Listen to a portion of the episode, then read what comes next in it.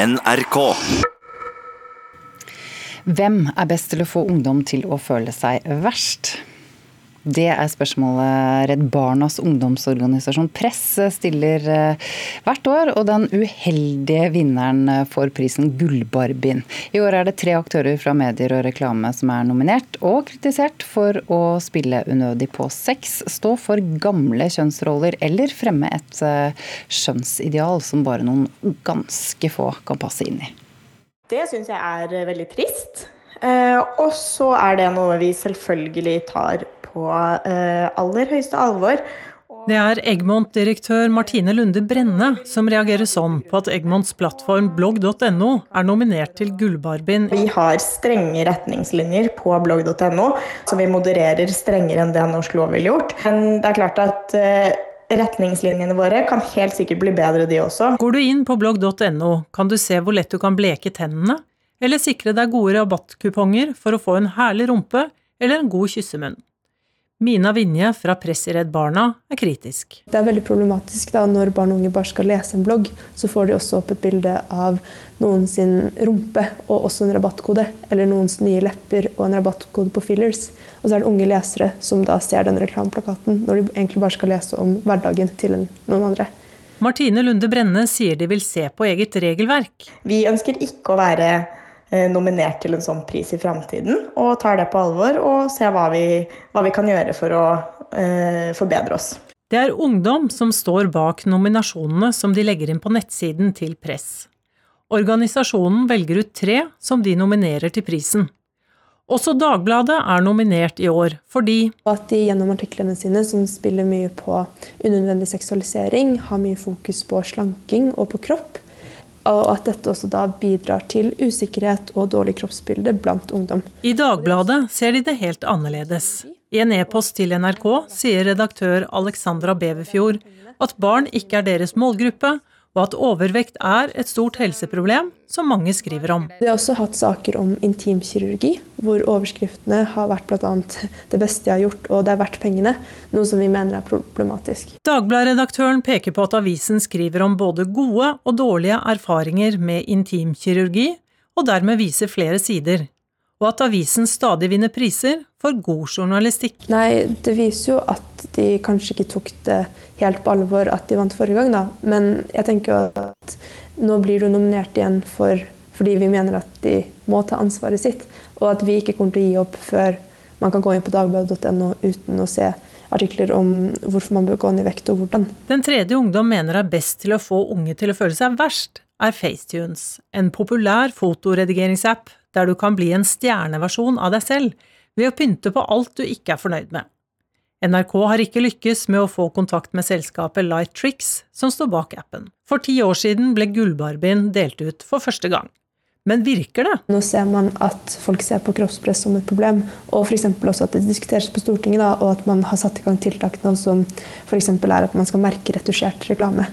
Og nå skal vi bytte tema her i Nyhetsmorgen. Vi skal snakke om den britiske dronningen som i går hadde dette møtet med sitt barnebarn prins Harry, hans kone Meghan, eh, storebror Andrew og ikke minst eh, Eh, tronarvingen selv, prins Charles. Møtet ble kalt et krisemøte i mediene verden over, og bakgrunnen er selvfølgelig at uh, Meghan og Harry ønsker å flytte til Canada, i hvert fall delvis, og ha en mer uavhengig rolle. Og så blir det spekulert i konflikter innad i familien. Men um, hertugparet har da gått veldig hardt ut mot mediene og mener de skriver om ting som ikke er riktig. Så for å få litt klarhet i alt dette surret, så har vi fått inn styreleder i ytringsfrihetsorganisasjonen Norske Penn, Kjersti Løken Stavrum. Velkommen. Takk, takk. God morgen. Hvordan, hvordan, vil du beskrive forholdet mellom mediene og hertugparet i snakkende stund?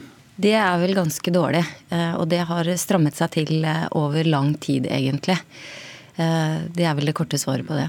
Og eh, Et litt lengre svar kan du få et par parametere til. nemlig eh, Andrew, som The Times mente hadde sagt at forholdet mellom han og Andrew, unnskyld Harry, var blitt vesentlig dårligere. Det ryktet ville ikke de ha på seg, så i går kom en korreksjon. Ja, det vil jeg kalle det. det en, jeg oppfatter det de skrev som en korreks, og ikke bare et dementi, som man jo innimellom gjør når sender ut når pressen har skrevet noe feil. Hvor de jo påpeker at vi som er opptatt av mental helse Altså Harry og Andrew? Og Harry og William, ja. Eh, ikke sant, ja, brødrene. Unnskyld, jeg mm. sagt Her er det lett å gå feil, men ja, det er men altså De to brødrene. Brødrene heter ja. William og Harry, Harry og ja. Og de eh, har jo lenge vært opptatt av mental helse, og det jeg oppfatter at de sier til pressen, og det er særlig da til Times i, denne, i dette tilfellet, er jo at når dere skriver sånn, uten å ha dekning for det, så skaper dere sykdom.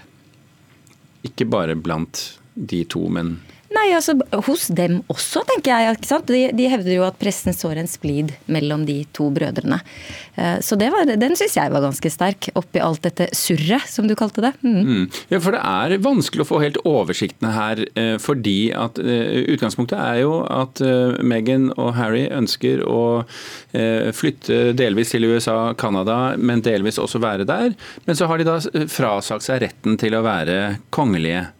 Ja, jeg tror faktisk at det kan være ganske nyttig å lese kanadiske medier nå. fordi eh, eh hvis man f.eks. leser lederen til The Globe and Mail, eh, som er den største avisa i Canada i dag, så, så, påpeker de ting som ikke har kommet fram, eh, som jeg kan se det, verken her hjemme eller, eller, i England. og det er at Fordi Canada er en del av Commonwealth. ikke sant? De har, de har jo dronning Elisabeth som overhode, men som et symbolsk overhode, eller virtuelt overhode, som de til og med skriver så kan ikke Canada ha medlemmer av, eh, eller seniormedlemmer av kongefamilien boende eh, hos seg. Eh, og, og der, Hvis du tar det som et utgangspunkt, så forstår du litt hvorfor de ønsker å ikke være lenger seniormedlemmer av kongefamilien. Eh, for ellers så kan de ikke flytte til Canada.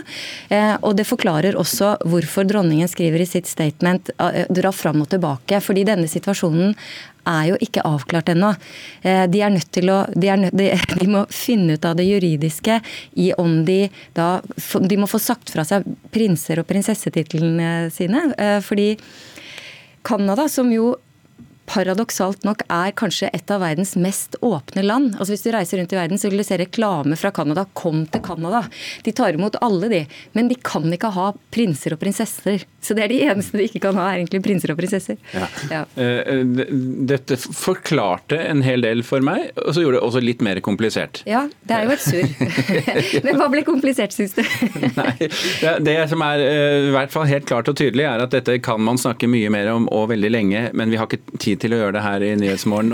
Det var interessant at du kom med, eh, med, med den siste nyheten, eh, Kjersti Løken Stavrum, i ytringsfrihetsorganisasjonen Penn. Takk for at du var med oss. Ja, selv om tanken er at julen skal være preget av glede og fred, så er det vel få som opplever denne travle høytiden som er veldig avslappende. Men i museene og galleriene der har det vært stille en stund nå. Eh, men så begynner det gradvis å skje ting nå, for nå er det jo en liten stund siden jul, vil jeg mhm. si. Kunstkritiker her i NRK, Mona Palle Bjerke, før det braker løs. Eh, vi får begynne med hele landets kunstmuseum, Nasjonalmuseet, som skulle åpnet dørene på Vestbanen i 2020. Det skjer ikke, det er en skuffelse. Det er en skuffelse, og det er nok først og fremst en skuffelse for dem selv. Eh, for dette er jo byggeprosessen som trekker ut. Eh, så de kan på en måte ikke Jeg har jo kjeftet så veldig mye på dem fordi det skjer så lite, og de har liksom hatt mange års eh, pause. Men dette er altså ikke deres egen skyld, og de er nok ganske, ganske fortvilet. Men Munch-museet? Det, åpner, det gjør det, og det er jo veldig bra. Og, det som, og de har jo rost veldig for flytteprosessen, for de har hatt kjempeaktivitet, men nå er det blitt veldig stille. Og nå skal de jo helt frem til mai ha den samme utstillingen som åpnet uh, i god tid før jul. Alt det vi eier. Og så uh, Egentlig syns jeg jo de tryna litt i siste svingen der med den utstillingen. Som kall for all del ikke en utstilling når du har begrenset areal. Alt det vi eier. For det er virkelig ikke alt det de eier. Så det er, det er litt sånn laber over eh, bris borte på Munch-museet også, men det blir jo veldig stas med nyåpning da antagelig rundt juni 2020. Det er altså et vakuum der Nasjonalmuseet pleier å være. Er det noen som klarer å fylle det tomrommet? Jeg syns Kode, altså Kunstmuseet i Bergen, gjør en veldig bra jobb i så måte. Altså, I 2019 hadde de et helt strålende utstillingsår, og det ser ut som 2020 blir like bra. De har jo da en eh, utstiller som heter Henrik Håkansson, som har fylt et rom med rødt han har revet opp et tre fra Svartike i Isdalen uten, i Bergen med, med røttene og lagd en eh, spektakulær installasjon. Så det er veldig både vakkert, men det også, kobler seg jo så mye uhygge til nettopp dette stedet i Bergen. Eh, og så det, kommer det en kunsthistorisk utstilling. Jeg er alltid veldig glad når det kommer slike. Det er eh, Edvard Byrne Jones og prerafaelitten og Norden. Og prerafaelittene, det var jo på slutten av 1800-tallet en gruppe et brorskap som ønsket å komme tilbake før Rafael og renessansen. Før man mente at uh, kunsten var blitt matematisert og på en måte man ville tilbake til inderligheten i middelalderen. Men jeg er veldig spent, spent på å se denne koblingen til Norden, så dette gleder jeg meg til. Og så gleder du deg til en utstilling på Sørlandets eh, kunstmuseum, er det sånn? Ja, eh, det er den finske kunstneren Lio Sosiraja som bruker sin egen overvektige kropp til å tematisere et konvensjonelt skjønnhetsideal og på en måte smerte i dette skjønnhetshysteriet, eh, hvor hun da gjennom fotografiske selvportretter viser denne evige misforståtte streben mot perfeksjon. Og så eh, Astrup Fearnley-museet, de har vi ikke snakket om. Hva skjer der? Ja, De har jo i 15 år nå tatt oss gjennom på en måte store regioner, land og verdensdeler og vist ulike kunstscener rundt om i verden. Det har vært Europe Europe, det har vært China Power Station, Uncertain States of America. Mange store utstillinger. Og man kan selvfølgelig diskutere hvorvidt dette regionsfokuset er så interessant, men nå er altså eh, turen kommet til Afrika. Og Afrika er jo veldig i vinden på verdensscenen nå. På Venezia-biennalen sist så var jo veldig mange afrikanske kunstnere, så det blir spennende å ta tempen på den sydende afrikanske kunstscenen. Du er her for å oppsummere kunstvåren 2020, så hva er dommen din? Jeg syns det ser kjempespennende ut, og jeg gleder meg virkelig. Takk, kunstkritiker Mona Palle Bjerke. Og Som vi tidligere har snakket om her i, i Nyhetsmorgen i dag, så har altså Oscar og en god del andre prisutdelinger fått kritikk den siste tiden for å ha for lite mangfold. Men filmfestivalen i Cannes gjør noe med dette og kan glede mange eh, kritikere med sin nye juryleder, eh, kulturreporter Oda Elise Selstad. Det stemmer, for eh, den amerikanske regissøren Spike Lee var tirsdag utnevnt som juryleder for, for, filmfestivalen i Cannes. I dag, rett og slett? Ja, i dag. Og det er første gang at en farga person får vervet som juryleder. Og 62-åringen sier han er sjokkert, glad overraska og stolt, alt på samme tid. Mm, og de som ikke helt vet hvem Spike Lee er, kan du gi oss en liten oppdatering? Lee er en anerkjent regissør, og har bl.a. regissert denne filmen. Now, Mookie don't work too hard today. The man says it's gonna be hot as the devil. I've been here 25 years. LaSalle's famous pizzeria is here to stay. Trust me. Mookie, the last time I trusted you, we ended up with a son.